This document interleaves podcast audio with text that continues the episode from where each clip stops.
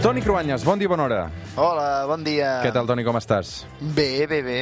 Cap de setmana tranquil·let, eh? I llarg per alguns. Uh, avui marxem lluny, uh, tant en el temps com en l'espai. Toni, on ens portes?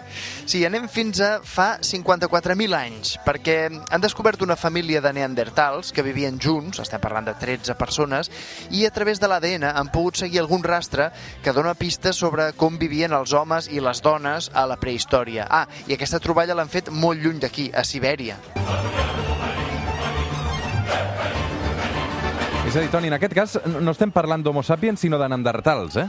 A veure, nosaltres tenim molt poc de neandertals, eh? tot i que cada vegada es descobreix que una mica del nostre genoma sí que ho és, però, però és residual. En tot cas, mira, l'Institut Max Planck de Biologia, de Biologia Evolutiva, que, que és qui ha fet aquesta descoberta, aquest any precisament els han donat el Premi Nobel de Medicina perquè gràcies als estudis d'ADN del passat de neandertals podem ajudar a lluitar contra malalties que nosaltres patim ara en el present. És a dir, d'alguna manera, mirar què ha passat eh, al passat, eh, fins i tot el passat més remot, ens ajuda a entendre i a, i a millorar el futur que ens vindrà. Precisament la descoberta d'aquesta família de neandertals va coincidir amb un debat dels experts en la prehistòria sobre el paper de les dones en aquella època. I això no s'havia estudiat mai fins ara. I, de fet, el que ha passat és que s'havien donat per bons alguns clitxers eh, bastant antics, o, o fins i tot bastant masclistes, i ara, eh, a poc a poc, es van desmentint. Aquesta família de neandertals, per exemple, l'ADN demostra que les dones deixaven les famílies per anar a viure a altres llocs. És a dir, engendraven fills amb altres homes i els que es quedaven amb els fills ja adults, que dominaven els clans, llavors sí eren els homes. Es creu que els neandertals vivien en grups reduïts, atemorits per animals i per un entorn salvatge, inhòspit, i que els grups, petits, d'una dotzena de persones, estaven bastant aïllats els uns dels altres. I aquesta pràctica, que les dones canviessin de grup, era una pràctica possiblement també habitual entre els homo sapiens durant l'època de les societats caçadores i recol·lectores. Era una manera d'evitar malalties i també d'evitar l'esterilitat associada a l'endogàmia. Toni, què més hem descobert d'aquestes dones prehistòriques? Avui sabem que, almenys en algunes tribus, les dones participaven de la cacera dels animals, i, igual que els homes. Localitzaven els animals, seguien les petjades, els capturaven...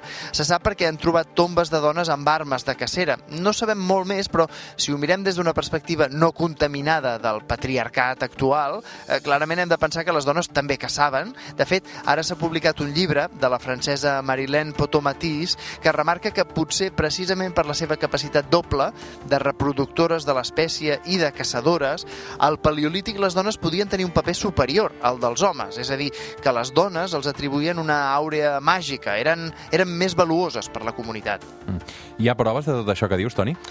A veure, les pintures rupestres. Mira, la majoria de les mans pintades fa uns, 2000, fa uns 25.000 anys en coves franceses i també de la península ibèrica són de dones. O sigui que les dones eren caçadores i podien ser artistes. Són aquestes mans, eh? Saps a què em refereixo? Aquestes mans que estan com, en, com si les haguessin passat amb spray Sí. i que n'hi ha diferents coves, doncs es veu que n'hi ha més de dones que d'homes. Després també hi ha les antigues Venus trobades, les petites estàtues de dones com la Venus de Willenforth, eh, de fa 25.000 anys, amb uns pits molt prominents, unes natges molt grans, ja demostren que hi havia una duració per la fertilitat. La descendència i el sexe eren molt importants perquè, eh, ja em perdonaràs la frivolitat, però, de fet, la trinca ja ho deia. I és evident que l'home ve de la Sempre em coles la trinca, eh, Toni, a tot arreu? Sempre hi ha una cançó de la trinca que cola amb qualsevol tema, no? Mm. Uh, aleshores, um, clar, o sigui, el, el canvi del paper de la dona uh, cap a un paper secundari davant de l'home, mm, això entenc que va arribar més endavant, aleshores. Eh, això és el que ara diuen els historiadors i les historiadores, és a dir, que aquest canvi de clic, diguem, de, de, de, de situació d'un per sobre de l'altre, eh, podria donar-se en el pas del paleolític al neolític.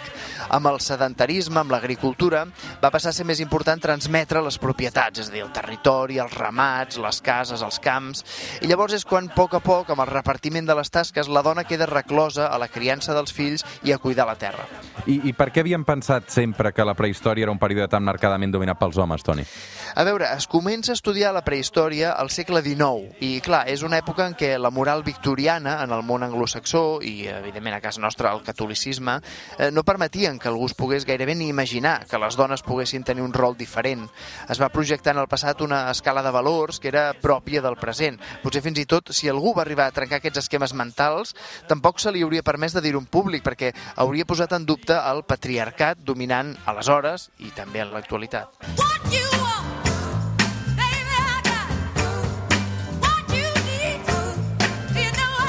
Avui hem anat a la història ben llunyana amb el Toni Cruanyes. Fins les 9 del matí, Areta Franklin, Respect. Una abraçada, Toni, descansa. Fins aviat.